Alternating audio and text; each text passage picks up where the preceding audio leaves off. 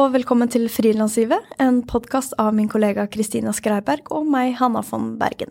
Vårt mål med denne podkasten er å være en faglig og inspirerende kanal for alle som jobber for seg selv i medie-, kunst- og kulturbransjen. Denne episoden den er sponset av regnskapsprogrammet Fiken. Som frilanser er det mye du skal holde styr på, og mange syns kanskje ikke at regnskap er det letteste å ta fatt i. Fiken har som mål å gjøre regnskap lett. I fiken kan du sende fakturaer, ta bilde av kvitteringer med fiken-appen, levere moms og skattemelding, alt fra samme sted. Du kan prøve gratis i 30 dager på fiken.no.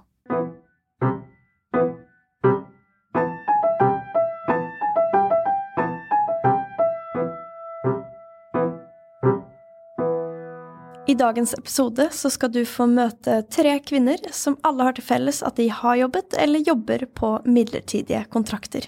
Det finnes jo mange måter å frilanse på, og det vanligste er jo at man har et enkeltpersonsforetak eller et AS, og man fakturerer for det arbeidet man gjør, til ulike kunder og prosjekter. Men vi i frilanslivet vi har lenge villet lage en episode om en litt annen form for frilansing, nemlig det å jobbe prosjektbasert, men å motta ansattlønn. Og jeg er veldig nysgjerrig på hvordan det oppleves å frilanse på denne måten, og har derfor invitert inn Ragnhild, Bahare og Helga for å fortelle sine historier og refleksjoner. Hva er det som er tøft med å jobbe som midlertidig ansatt? Higer de egentlig etter en fast stilling? Hva er det som er fordelene, hva er ulempene, og hva skal til for å få det til å funke? Jeg personlig kjenner meg veldig godt igjen i denne måten å frilanse på. Jeg har jobba på denne måten selv de siste årene, med f.eks. samtidsmusikkfestival, filmfestival konferanser. Ofte har jeg hatt én til tre måneder engasjement med ansatt lønn. Og da har jeg ofte kombinert det prosjektet med andre prosjekter som jeg har jobba med parallelt. Denne episoden er uh, klippet litt annerledes enn det du er vant til fra oss. Jeg har satt meg ned med hver av disse fantastiske kvinnene og snakket med dem i ca. en time. Og så har jeg klippet ut utdrag av uh, samtalen og til en kortere monolog fra hver person. Vi håper at du liker denne måten å gjøre episode på.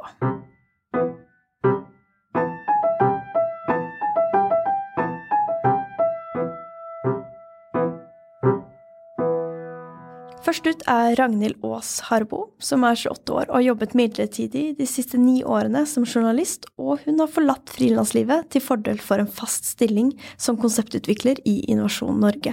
Ragnhild laget i april dokumentaren Midlertidig fremtid, som er en del av NRK sin dokumentarserie Innafor.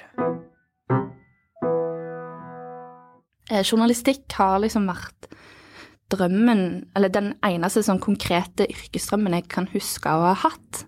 Altså, Da jeg var liten, så skulle jeg bli søppeltømmer fordi det så gøy ut å stå bak på bilen, ikke sant. Men eh, fra jeg liksom vurderte yrker helt sånn konkret, så var det på en måte egentlig det eneste som frista meg. Fordi jeg har alltid vært nysgjerrig, har alltid likt å fortelle om det gjennom å skrive eller Altså etter hvert så ble det jo radio og TV òg. Og så det å føle at en gjør noe viktig. Men det er, jo, det er jo, noe som er, som er, viktig for en når en jobber, da, at en føler at en faktisk bidrar til noe, og at det ikke bare er penger inn på konto. Så, så jeg har hatt en veldig sånn stor yrkesstolthet, egentlig, helt siden jeg var 19 år og jobba i lokalaviser med på en måte saker som Å, den ødelagte veien. Kommunen må ta grep til ferja som eh, kanskje blir kutta fra, fra Hummersåk. Altså, det har vært eh, De små og de store sakene og alt har føltes viktig, på en måte. Og det har jo vært veldig, veldig fint. Jeg har vært journalist. Det har vært veldig knytta til min identitet. Og ja, jeg vet ikke. Det, ja, det er den ene drømmen jeg har hatt, egentlig. Jeg fikk en telefon fra innafor som lurte på om jeg kunne tenke meg å pitche en idé til en dokumentar. Og som midlertidig ansatt så ville jo selvfølgelig det, for det betyr jo jobb, og så betyr det å lage dokumentar, og det har jeg jo alltid hatt lyst til. Og jeg var helt sikker på at de ville ha meg til å pitche metoo, fordi det er jo òg noe jeg har fronta. Går det an å si? Ja. Eh, så, eh, men så tenkte jeg liksom tilbake på den metoo-perioden, og så var jeg sånn Men vet du hva det kjipeste den tida der var? Det var jo faktisk det å gå hjemme uten jobb. Fordi da hadde jeg eh, Da var det en kontrakt i P3 som hadde gått ut. Jeg fikk ikke den forlenga fordi det var et prosjekt som var Altså vikariat som var over ferdig snakka. Jeg fikk ikke komme tilbake til nyhetene. Og plutselig så sto jeg på bar bakke. Um, og hvor utrolig uh, kjipt jeg syns det var. Og at jeg holdt det litt sånn hemmelig og bare var liksom overlevelsesmodus. At ja, men det ordner seg, det ordner seg, det ordner seg.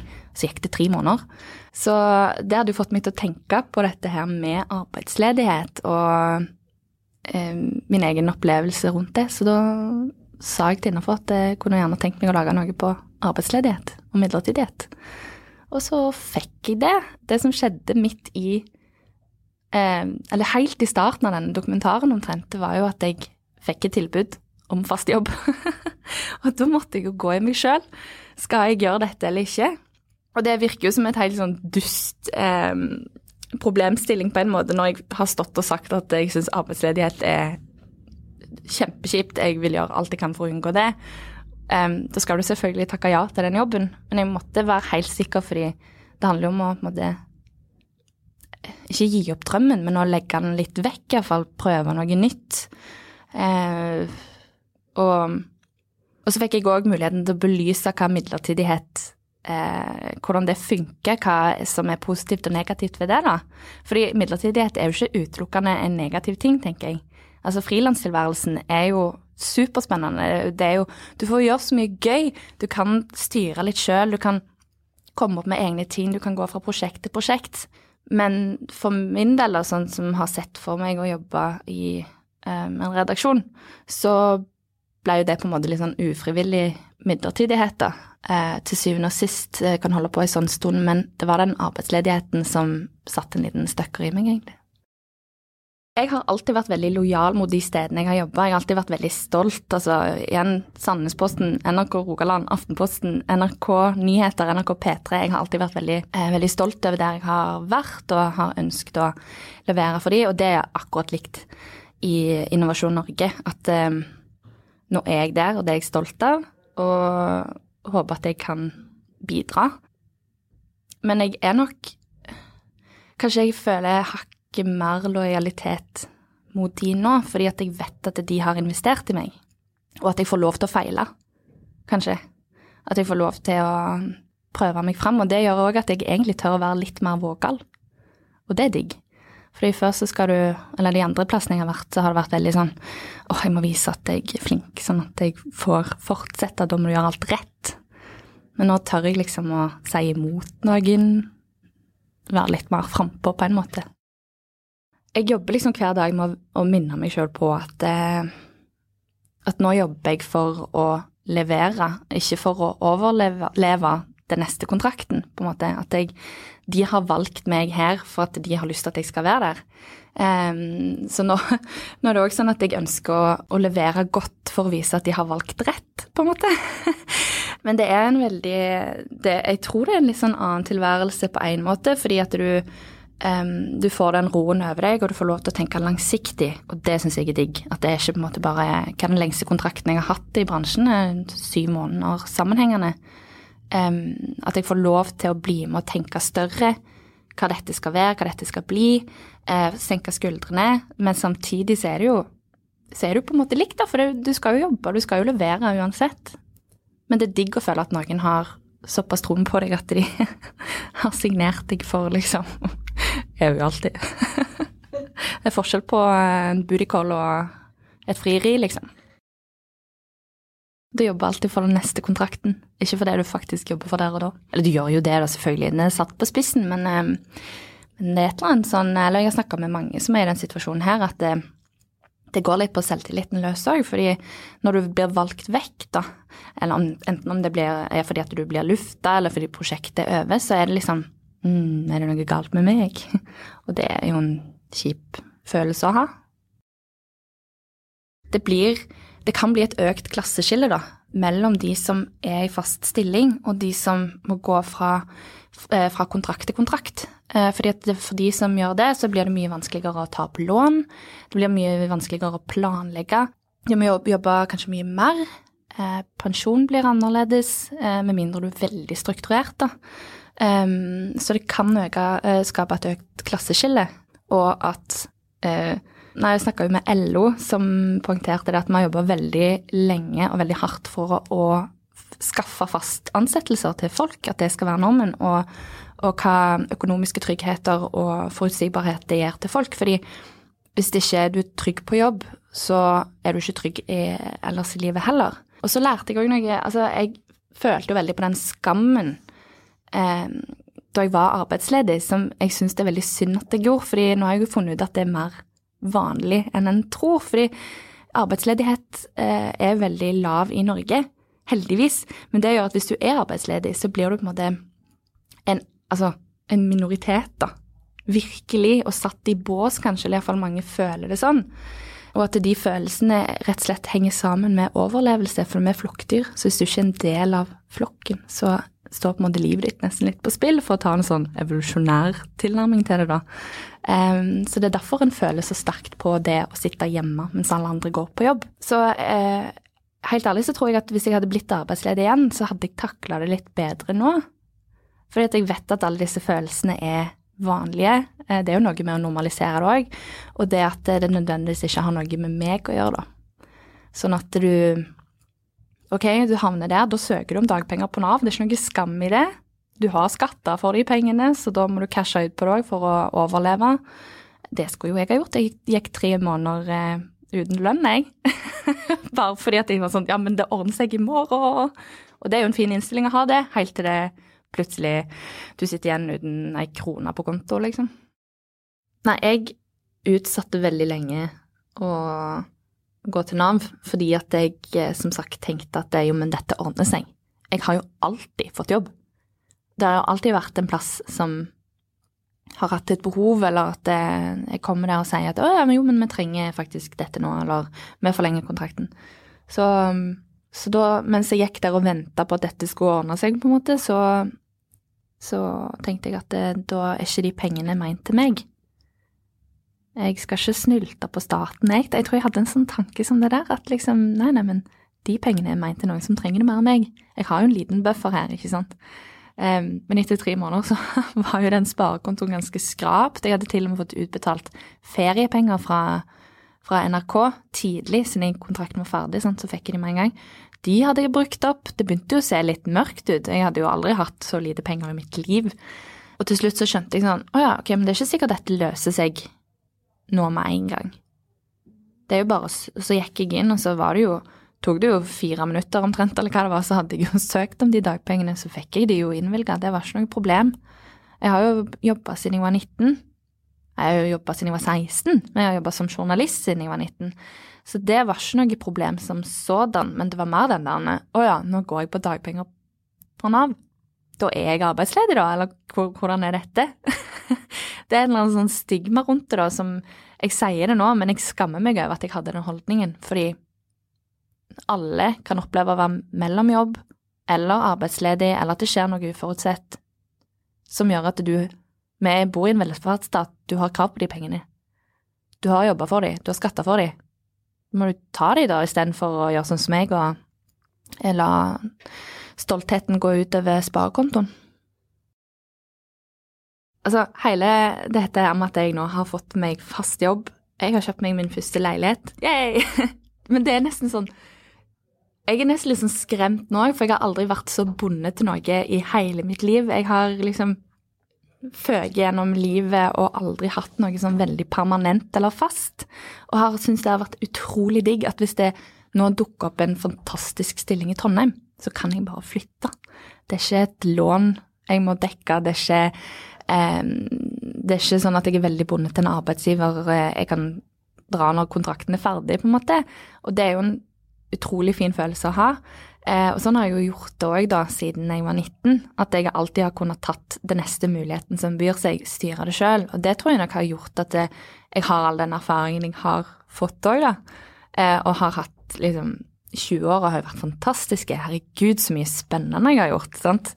Og det kommer nok ut ifra at jeg liksom har hatt muligheten til å gå fra redaksjon til redaksjon og pitcha en TV-serie til P3, få gjort den, pitcha en dokumentar til innafor, fått gjort den, kasta meg rundt, vært radioreporter for P3. Altså, det hadde jo ikke skjedd hvis jeg fikk den, nei, den jobben i Innovasjon Norge for fem år siden. Det hadde han jo ikke.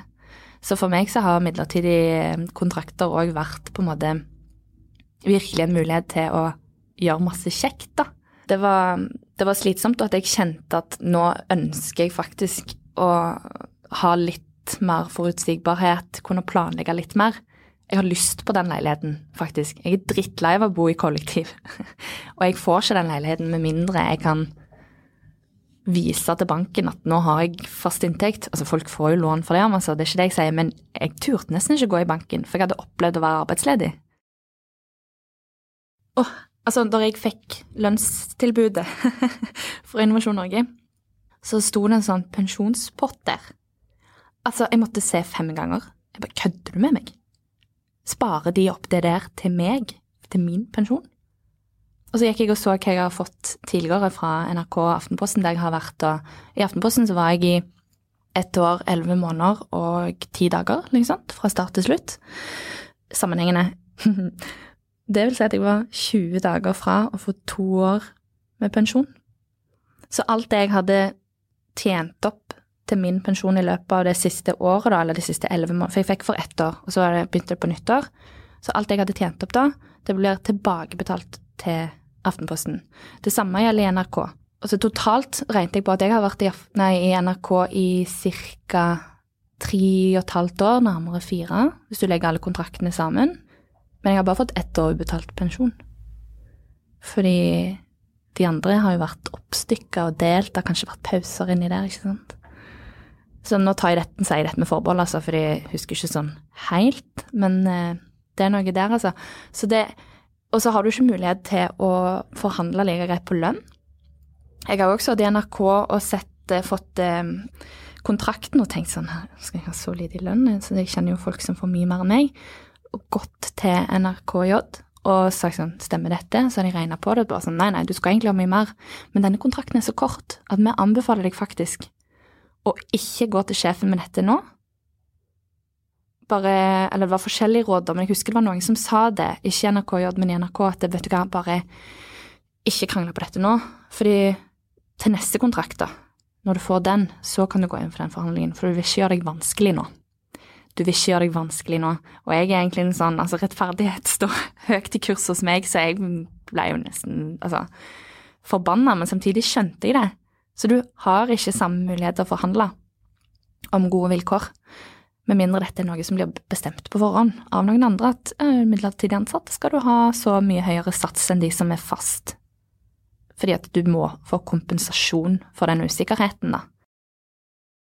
Sjøl så blir jeg jo egentlig litt flau over bransjen, på en måte, fordi vi er ute og skriver om alle andre bransjer, folk, maktpersoner, som, som uh, gjør ting de ikke skal eller ting som er kritikkverdige, og så sitter vi der sjøl, og så er det ingen som tør å heve stemmen sin og se seg sjøl i speilet og si at kanskje vi ikke gjør ting helt etter boka, vi heller. Så, og dette er jo noe alle snakker om. Altså Etter den dokumentaren min kom ut, altså så mange fra bransjen som har tatt kontakt med meg og sagt at det er fint du setter søkelys på dette. Jeg vil si at jeg gjorde det på en ganske mild måte i den dokumentaren.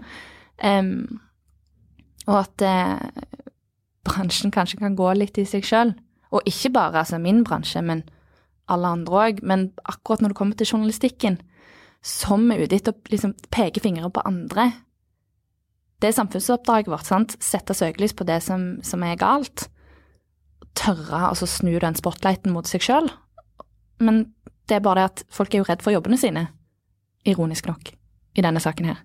Så det er ingen som gjør det. Nei, altså Kom igjen. skummelt å si det her òg, vet du. sant? Jeg, ja. jeg, blir nesten sånn, herregud.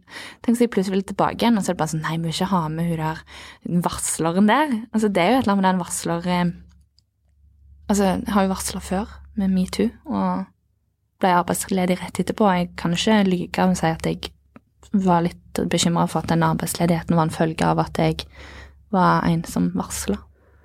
Så det er ekkelt, men eh, jeg tror ikke jeg hadde hatt noe godt med meg sjøl hvis jeg ikke hadde gjort det heller. Sånt.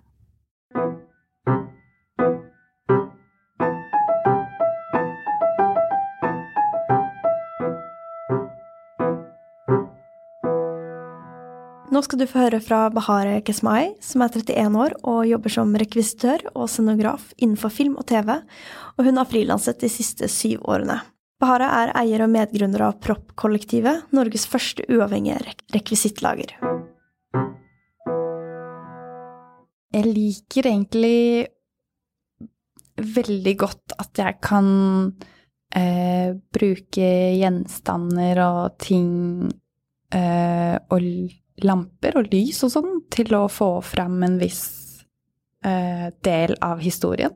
Jeg syns det er sinnssykt gøy når jeg har dresset et location, og så kommer liksom crewet inn og er klar for opptak, og de bare wow, det her er jo ikke sånn som du har forestilt deg, for du har en forestilling når du leser manus, ikke sant? Og så kommer man, og så ser man alle de bitte små detaljene, da. Typ en bokhylle er veldig morsomt å dresse, for da kan du putte inn mye rart. Jeg liker også veldig godt å putte inn mine personlige ting.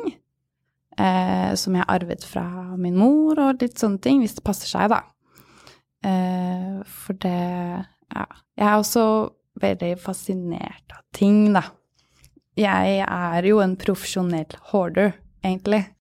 Eh, når jeg jobber, så får jeg Min rolle, en del av ansvaret mitt, er å skaffe enorm mengde med ting, altså hva som helst. Det er jo møbler, det er jo penner, det er liksom Det er altså alt da som er av ting som man ser i en film eller uh, TV-serie. Uh, men hva skjer med alle disse tingene etterpå? Og alt blir bare kastet, og ingen som bryr seg om de tingene. Uh, ofte bruker man jo nesten en million kroner på ting som bare blir kasta eller gitt bort til noe som på en måte eh, bare skal bli kastet igjen etterpå. Altså at man ikke liksom bryr seg om den prosessen. Eh, så jeg fant ut at eh, jeg tror det kan gi meg så mye mer hvis jeg gjør dette til noe annet enn bare en frilansjobb. Hvis jeg kan gjøre dette til en eh, noe som jeg gjør for samfunnet mitt rundt meg, og for miljøet mitt rundt meg, og for bransjen og derfor så starter vi jo dette rekvisittlageret som jeg og min kollega startet, for å ha noe sånn. Så når vi er ferdige på prosjekter, så tar vi jo tingene til vårt lager. Så pusser vi det opp, eller gjør noe nytt med det. Eller lar det være. Jeg tar ansattlønn. Det lønner seg for meg å gjøre det. Da får man også litt andre goder som man ikke får som på enkeltmannsforetak. Så jeg er også medlem av Norske Filmforbundet, som anbefaler eh, at uh, frilansere i film og TV gjør dette.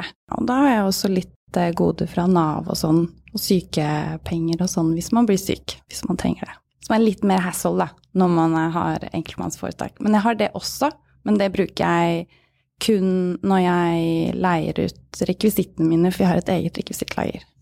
Jeg jobber hovedsakelig bare på kortfilmer, kinofilmer og um, eh, reklamefilmer.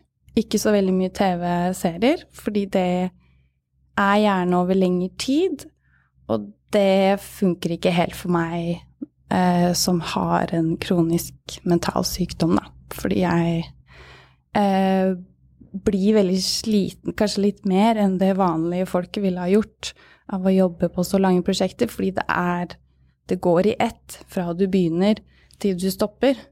Og det kan være veldig slitsomt i veldig lange perioder, så det funker ikke for meg mentalt i det hele tatt. Så for meg så er det sånn korttidsengasjement som passer veldig bra, da.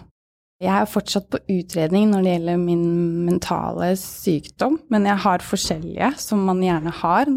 Eh, jeg har depresjon, som jeg jobber med, og så har jeg eh, angstlidelser som har kommet i ettertid av depresjonen.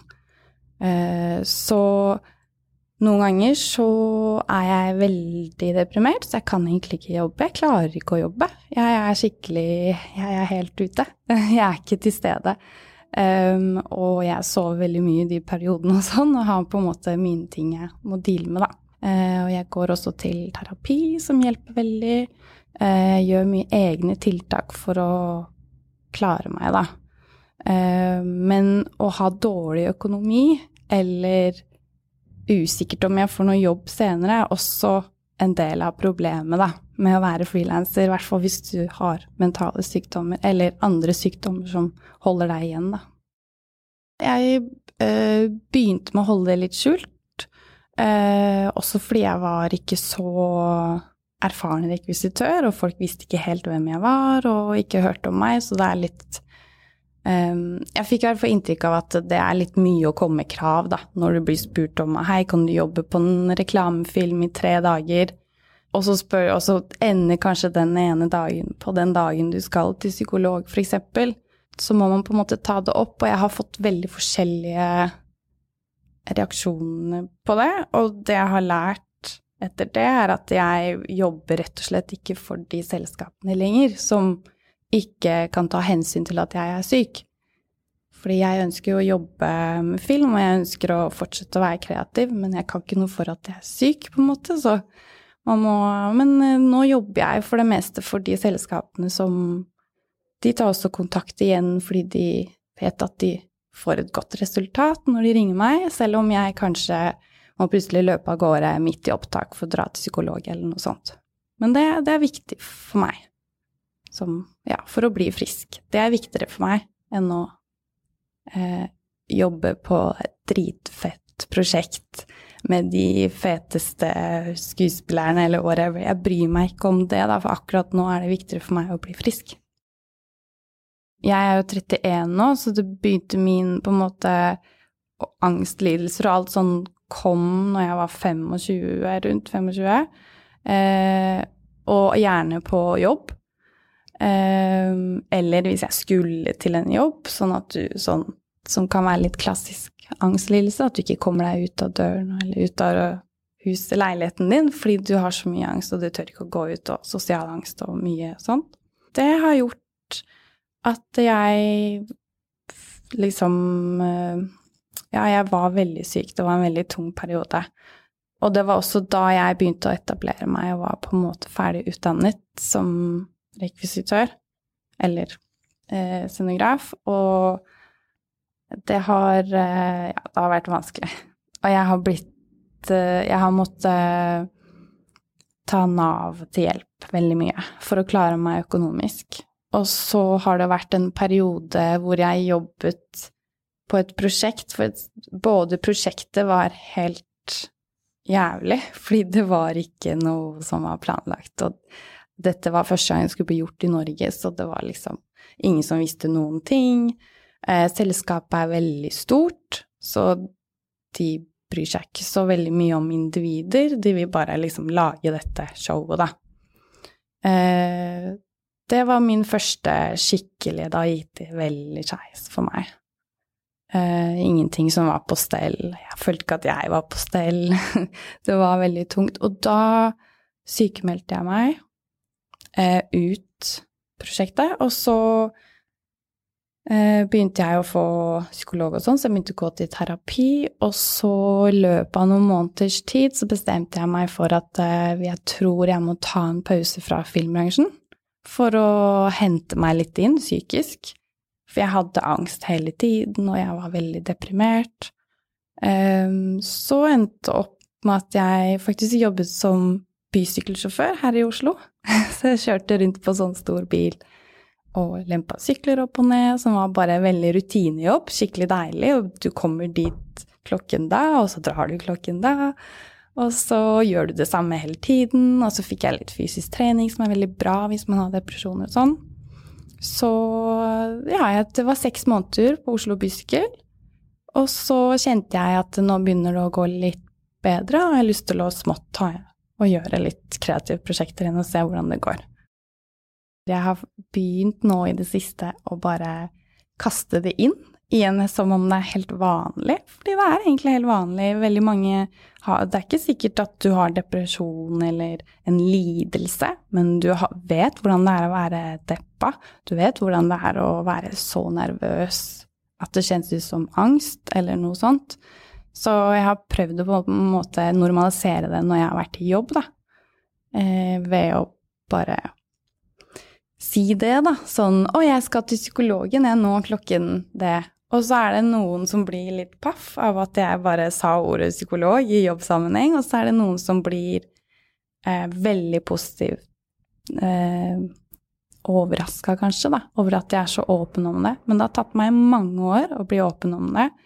Og grunnen til at jeg er så åpen om det òg, er fordi jeg snakket med flere kollegaer, og jeg ser at dette er et problem. At man ikke kan snakke om Altså typ sånn du kan brekke armen, og alle snakker om det, men du kan ikke snakke om at du har det vanskelig i hodet. Det er liksom Det må forandres, da. Det vanskeligste er å ikke ha noe stabil økonomi.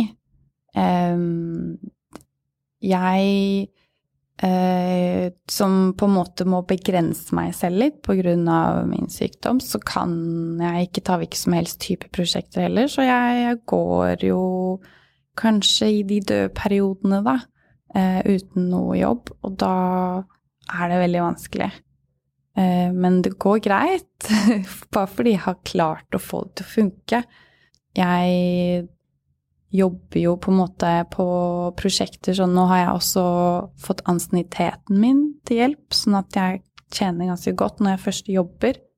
Så da sparer jeg til det jeg måtte trenge til de døde periodene. Og sånn har jeg gjort i mange år nå. Uh, er vi veldig heldige at vi har Norske Filmforbundet. Uh, for de som er fagorganisert med det, Eh, det er jo ikke alle som er, og jeg anbefaler alle som jobber i film og TV å gjøre det, altså. Det får du også igjen på skatten, så det er bare et dårlig unnskyldning å ikke være fagorganisert. Men eh, eh, For de har jo jobbet i mange år nå for å lage rammer når det gjelder lønn og ansiennitet. Eh, hva ansienniteten er, om det telles med uh, utdannelsen din eller ikke. Og da spørs det også hva slags type utdannelse du har tatt, da. Uh, de har jo sånn standardkontrakter og sånn du kan laste ned hvis du har lyst til å fikse dine egne kontrakter, men de fleste selskapene i Oslo i hvert fall, som er de selskapene jeg jobber med, eh, bruker jo Norske Filmforbundets lover og regler. Det er jo det de går ut fra. Men det som skjer da, er at du har krav på overtidsbetalt, ikke sant. Så når du har jobbet åtte timer, så er det ikke sånn at uh, de kan bruke deg på en måte. At ok, nå skal du jobbe i fire-fem timer til uten å få noe betalt. Jeg sier alltid fra om det. Jeg tar alltid overtidsbetalt. Ellers er det bare å glemme det man eh, må på en måte ha gått litt opp i stigen, da, dessverre, for å faktisk eh, At du ikke mister jobb. For det har jeg gjort av å liksom sette disse kravene. Eh, men nå så er det jo, har det jo snudd seg helt. Nå er det jo sånn Ja, men vi vil ha deg med, så hvis dette er dine krav, så greit. Og da, da er vi inne på en god forhandling, for min del. Jeg hadde jo noe negativt å si i stad, men fordelene er egentlig for min personlighetstype, da. Eh, mer enn de negative sidene, selv om jeg har hatt det veldig vanskelig pga. sykdommen min og sånn. Men det eh, Hvis man ser på det store bildet igjen, så eh, funker ikke jeg fast jobb. Fordi jeg elsker og bare dyrker den eh, tida jeg har mellom jobbene, hvor det bare er stille. Jeg gjør ikke noe annet enn å gå i skogen eller gjøre ting for meg selv, meditere, som er veldig viktig for min eh, mentalsykdom, eh, eller møte familie, bruke ekstra tid på å gjøre hyggelige ting med kjæresten. Um, bare det å kjenne på det å kjede seg syns jeg er litt viktig viktig. Um, og jeg, jeg digger å jobbe skikkelig mye når jeg først jobber. Og så ta en helt sånn avstand etterpå og sånn Åh, ferdig med det prosjektet. var hektisk, og det bare gikk i ett. Jeg kan nesten ikke huske å ha sovet. Bare liksom Hodet bare går i boff i ett, liksom. Um, så for meg har det vært så deilig. Når man er ferdig på et prosjekt, så tar jeg meg alltid tre uker fri. For å gjøre et eller annet. Og så hjelper det på min syke, da. Og hente meg litt inn. Fordi mm, veldig ofte når, man, når jeg jobber, så eh, har jeg nesten ikke tid til å ta vare på meg selv.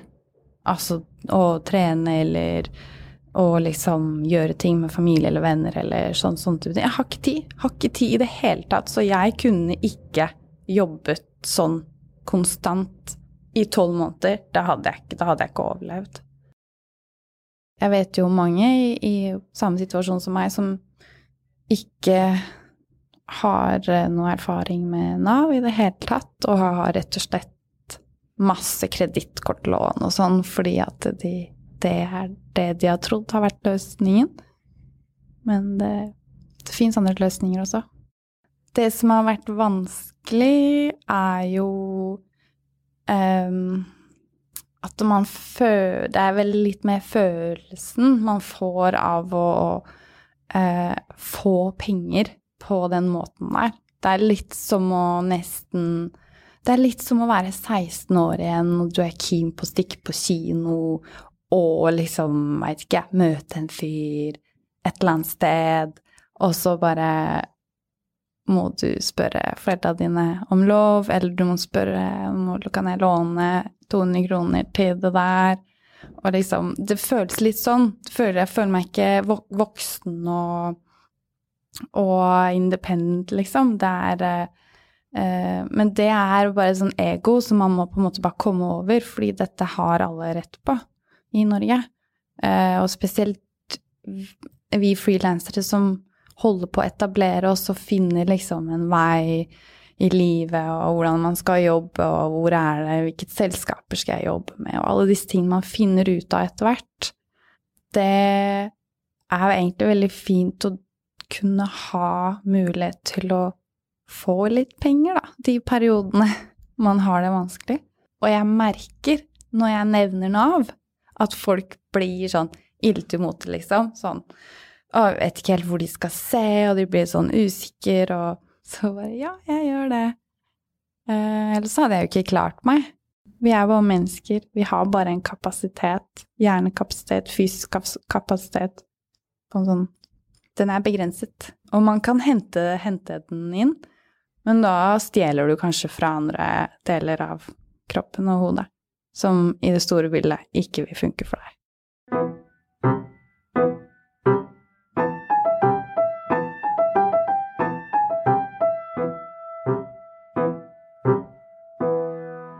Sist ut er Helga Marie Myhre.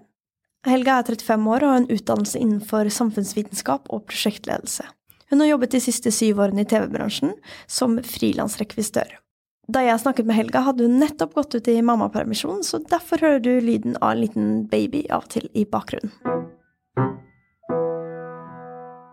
I starten så var det selv, veldig selvvalgt. Jeg syns det var helt fantastisk å kunne gå fra eh, prosjekt til prosjekt og på en måte gå i godtebutikken skal du si, eh, ved hver endte kontrakt og tenke oi, hva har jeg lyst til å gjøre nå? Mm, og ja, øh, og det å være nødt til å være på hugget og på en måte eh, vinne en ny jobb, eh, var, var, veldig Ja, jeg syns det var veldig artig. Eh, og så ser jeg jo litt etter hvert at det kunne vært litt godt å, eh, å ikke ha de der periodene imellom som er så stressende. Fordi det jeg kanskje har kjent mest på, at det går veldig på selvfølelse. Den er veldig høy når jeg har jobb, og så er den ganske lav når man ikke har jobb vet ikke hvorfor det skal være absolutt sånn. Men, eh, men jeg eh, koser meg veldig når jeg er i prosjekt. Så, og jeg, jeg gjetter liksom på at jeg, hvis jeg hadde hatt en fulltidsstilling, så hadde jeg blitt lei. Det føles jo litt sånn um, den, Når man er ferdig altså I slutten av et prosjekt så er det veldig godt å vite at man at, Eller jeg syns det har vært veldig godt å vite nå skal jeg fri. Og nå har jeg på en måte fortjent det. Jeg jobba i hvert fall 150% de siste to månedene. Jeg har helt lov å ta det helt ned, og da skal jeg sy en veske, eller altså Det gjør jeg ikke så mye, men uh, jeg kommer ikke helt på hva jeg, jeg gleder meg til å gjøre. Da skal jeg vaske hjemme. Bare sånne helt basic ting som jeg bare skikkelig gleder meg til. Og så kommer det Så har det gått én uke, uh, og så har det vært kjempedeilig å ha fri. Og så begynner det å klø igjen. Um, etter å ha noen å gå til som trenger meg. Eh, det er på en måte ikke nok å bare oppfylle mine egne eh, Gjøre oppgaver bare for meg sjøl. Jeg syns det er godt å gjøre noen ting for noen andre. Og så kommer jeg, og så har jeg fri, og så er det liksom ingenting som er viktig. Det er ikke viktig at jeg står opp av senga engang. Og den følelsen Da føles det ut som det ikke det er ikke, på en måte ikke noe behov for meg, og den, den har jeg kjent på masse. Men, ikke, men jeg glemmer det hver gang jeg er i prosjekt. For da koser jeg meg så masse igjen. og så begynner det jo heldigvis å gå mer og mer av seg sjøl, eh, at man får jobb, eh, og at man tåler de friperiodene man har. Og så er det et nytt prosjekt etterpå, så man får planlagt litt bedre. Jeg vet opp, sånn rasjonelt at det er avspasering. I kroppen så føles det som jeg bare ikke har fått til å fått jobb. Ja, for jeg er helt ærlig så føler jeg meg, meg litt mislykka mellom hver periode. Og det er selv om jeg er på ferie i Australia. Jeg kjenner at det er, først, det er først nå jeg kjenner at folk skjønner hva de får hvis de ansetter meg, og derfor så ønsker de å ansette meg og ikke noen andre. Så det har tatt ganske lang tid, og det har jo tæra litt på meg. Eh, jeg føler at det utfordrer eh, mellommenneskelige relasjoner ganske eh, kraftig, fordi hvis du ikke godtar lønna og arbeidstida, som ikke alltid involverer overtid, overtidsbetalt, det er liksom ikke like bra system for De som jobber med lyd og lys og, og kamera og sånn, de har gode system, men vi som jobber med eh, på en måte all organiseringa rundt, sånn som jeg opplever det, det, det må du kjempe ganske hardt for å få en er på en måte den lønna du fortjener, eller det Filmforbundet har sagt, da. Så der eh, Hvis du sier nei takk og prøver å sette krav, så kan du ganske lett erstattes med noen andre. Så du må på en måte Jeg har merka det at fordi at jeg ikke er en person som er sånn kjempeglad i å gå på fest, så har jeg merka det at Eller man burde være glad i å gå på fest i TV-bransjen, for da får du lettere jobb. Ja, det er den følelsen av å være på nåde hele tida. Eh, fordi at det står så mange andre rundt i kø for å ha For å ta jobben. Hvis ikke du gjør det på den samme Ja for den, den lønna du blir tilbudt, eller Ja, hvis du ikke blir likt, da. Ja, så litt den følelsen at du må liksom tigge om jobb, eh, er en, det er ikke en god følelse. Og derfor, det er, kanskje, det er kanskje derfor også det føles ut som at man Yes, jeg har vunnet jobben. Jeg har vunnet å stå på i tolv timer uten overtidsbetaling. Jeg tror TV er en litt uh, vrien posisjon, særlig nå. Fordi at det bare er mindre Altså, det er spredt på så mange plattformer at det er bare dårligere og dårligere med økonomi i, til å lage TV-produksjon. Um, sånn at Så det er jo på en måte Produksjonsselskapene er jo frilansere til TV-kanalene, og så er vi frilansere for frilanserne, på en måte. Um, sånn at uh, vi Det er vel ikke det er vel ikke den lureste bransjen generelt å få ha gode rettigheter i. For det er bare så dårlig, dårlig, litt dårlige tider. Det går nedom hjem. det hørtes veldig fælt ut. Nei, for hvis eh, produksjonsselskapene hadde visst at de hadde, hadde produksjoner eh, kontinuerlig, så, bare, så, blir man jo bare overført på neste, ikke sant? Neste produksjon. Men de, hvis man ikke har det, da, så, så, så skjønner jeg også deres side av det. At de, ikke, de kan ikke ansette ansette på, på lengre kontrakter. Eh, men Filmforbundet har jo tatt tak i det og lager satser og lager systemer og regler som man kan forholde seg innafor. Eh, det er bare at det kan også tolkes. Og den, det å lønnsforhandle eh, tre-fire ganger gjennom året, det er ganske slitsomt.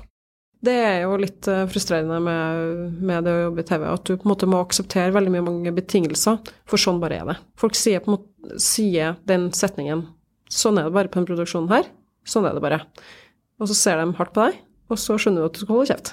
og så må du bare akseptere det. Uh, så det er, det, det er på en måte noen ting du må velge å være med på den leken hvis du har lyst å jobbe i TV. Dessverre. Uh, veldig mange som sier 'hæ, har du ikke fast jobb?' Og så blir de helt sånn sjokkert og skjønner ikke For de møter veldig mange som sier sånn ah, jeg har ikke, Om liksom sju måneder så skal jeg slutte i den vikarierende stillingen jeg har nå. Jeg liksom gruer meg skikkelig til det. Så jeg er bare sånn Hæ? Sju måneder? Er Kjempelenge til. Det er ikke noe stress i det hele tatt. Slapp av. Og den reaksjonen som man kanskje får når, folk skjønner at du ikke har den faste grunnen, eh, den liker jeg litt på. Ja, så jeg liker Jeg blir litt fanga av følelsen av å være fast ansatt, men litt mindre nå som jeg har blitt mamma. Noen ganger kan jeg finne på å ikke søke jobb, faktisk, fordi jeg føler at det er så lenge til at jeg er ute, uten jobb at jeg, jeg vet ikke hva jeg vil da. Og det er jo litt derfor også jeg ikke vil være i fast stilling. Jeg hadde en, jeg hadde en kjæreste en gang som hadde en femårsplan. Det forstår ikke jeg noen ting av. Tenk om jeg ikke lever om fem år. Jeg klarer ikke å forholde meg til hva, hva mener du for noe? Fem år? Jeg skjønner ingenting. Det å løse sitt eget uh, livsprosjekt skal se, er liksom en del av det som jeg syns er artig. da. Å liksom finne ut av det. Januar-februar bruker å være litt dårlig, og november-desember bruker å være litt dårlig. Så det er liksom da når det er gråest og mørkest i været. Og inni mitt hue så er det også ganske rolig eh, i, på jobb. Og, og litt eh, det med selvfølelsen så det er ikke det, er lurest sånn sett. Man ble litt klarere for meg nå. Så derfor så har jeg faktisk så har jeg liksom holdt kontakten med folk som jeg jobber med i eventbransjen. Jeg jobber for et firma som bygger lavvoer på vinteren. Dem har jeg jobba for eh, også i åtte år. Så dem, dem har jeg jobba for en del i de månedene der, for det er jo da man bygger lavvo, når det er vintermåneder. Så det er jeg veldig glad for at jeg har skjønt. Jeg har tatt noen eh, Ja, jeg har tatt noen, funnet noen sånne løsninger, da innimellom der. Og så jobber jeg for en blomsterbutikk i, i Trondheim som, som, trenger mer hjelp i desember, f.eks. Så eh, det går ikke det er ikke, Årsskjulet mitt består ikke av TV-bransjen bare, altså. Den er nesten litt avhengig av de andre tingene også. Men det er meg. Så tror jeg det kommer an på, det kommer an på produksjonsselskap og stilling jeg har ikke så mange ting samtidig, så jeg vet at etter en innspilling så, jeg, så har jeg erfart at jeg bare jeg trenger i hvert fall to uker på å komme meg. Så da vet jeg at jeg ikke skal booke inn så jævlig mye etter det. Av en eller annen idiotisk grunn så skjønner vi aldri, og sier vi, jeg og samboeren min, at vi skjønner aldri at uh, sosiale ting må man bare droppe rett etterpå, altså.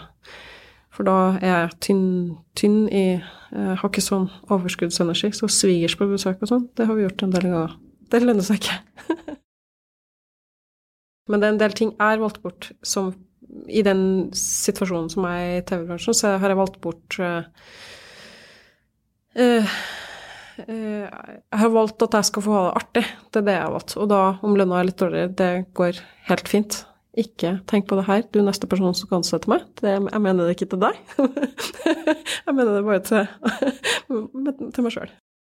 Hvis jeg skulle ha starta på nytt eller hvis jeg skulle ha gitt noen råd til meg sjøl mm, for sju år siden, så hadde jeg helt klart eh, vært mye mer åpen med alle dem jeg jobber sammen med. Og bare snakke om hva får dere i lønn. Ikke være så redd for å miste ansikt hvis du tenker at du tjener mindre enn de andre. Fordi du det å holde tett og skulle liksom play it cool og alt det der, det er jo dårlige spilleregler generelt i livet, tenker jeg egentlig. At man må bare være mer åpen og snakke, snakke mer med hverandre og forstå hvordan hvor landet ligger, på en måte. I starten så fakturerte jeg litt, og så merka jeg at uh, det var jo egentlig bare Ja, det ser større ut på, på lønninga akkurat når den kommer, men så skjønner du etter hvert at, uh, at det er mer Eller det bare opplevdes mer arbeid. Og så um, fleste i TV-bransjen uh, på en måte i, i, det miljøet jeg er i, de, har, de går på lønn. Eh, så da er man jo mm, ansatt på prosjekt, da. Så da får du kanskje en uke, eller to måneder, eller sju måneder. Jeg føler meg faktisk som frilanser i TV-bransjen, for da der opplever jeg at liksom, enten så har du fast ansettelse, eller så, eller så jobber du på prosjekt, og da sier man bare frilanser. Kanskje fordi det er kortere å si enn jeg jobber på et og et prosjekt. Mens når jeg har vært i kontakt med Nav, så må jeg forklare dem at ja, jeg er frilanser, men jeg fakturerer ikke. For dem, sånn som de jeg har møtt, tenker at hvis du er frilanser, så fakturerer du. Og de skjønner ikke helt kategorien jobbe på prosjekt. Det er min opplevelse. Så jeg må liksom si det hver gang, da. Jeg tror at hovedessensen er den følelsen av at vi skal nå et mål fram til Altså, vi må, alt må være klart fram til klokka to. Da begynner innspillinga. Og da jobber alle, alle jobber, som har skjønt hva TV handler om, de jobber mot det. De jobber mot det klokkeslettet, og da springer du, og da er du eh, effektiv og jobber rett og slett i kor mot, mot det. Og så er det ja, litt, kanskje litt den følelsen av at man får lov til å Du, du trenger Da er det bare det som gjelder. Da trenger du ikke å tenke på noe annet. Da får man bare få lov til å være fokusert og jobbe mot det. Og så vet du at alle rundt deg gjør det også. Så du, liksom den følelsen som Eller den anstrengelsen som jeg legger inn i det, eh, den blir forsterka med Ja, det er 20 andre som gjør det også. Så det føles ut som jeg jobber så jævlig effektivt. og bare vosj! Yes! Vi kommer i mål. Nå begynner innspillinga. Og så løse alle problem som skjer underveis. Den mestringsfølelsen som kommer ut ifra det, da. Mm. Det det. Så det skjønner jeg liksom ikke. Skal jeg jobbe i en vanlig jobb og plutselig sitte ha et eget prosjekt, og så er det ingen andre som engasjerer seg i det, og så har jeg masse problem, og så er det ingen, ingen som bryr seg om at jeg har masse problemer med det, og ja, det, det kjennes veldig sånn tappende. Men den følelsen av at jeg ikke bare meg, men jeg, vi er 20 stykker som jobber mot akkurat det samme. Antageligvis flere enn 20 stykker, men ja. Det er en jævlig god følelse. Tusen takk for at eh, du lyttet til denne episoden om midlertidig ansettelse. Det har vært en eh, spennende prosess med å lage denne episoden. Hvis du likte dette formatet, så får du veldig gjerne gå inn eh, og gi oss en liten kommentar, så skal vi se om vi kan lage flere lignende episoder i fremtiden. Ha det!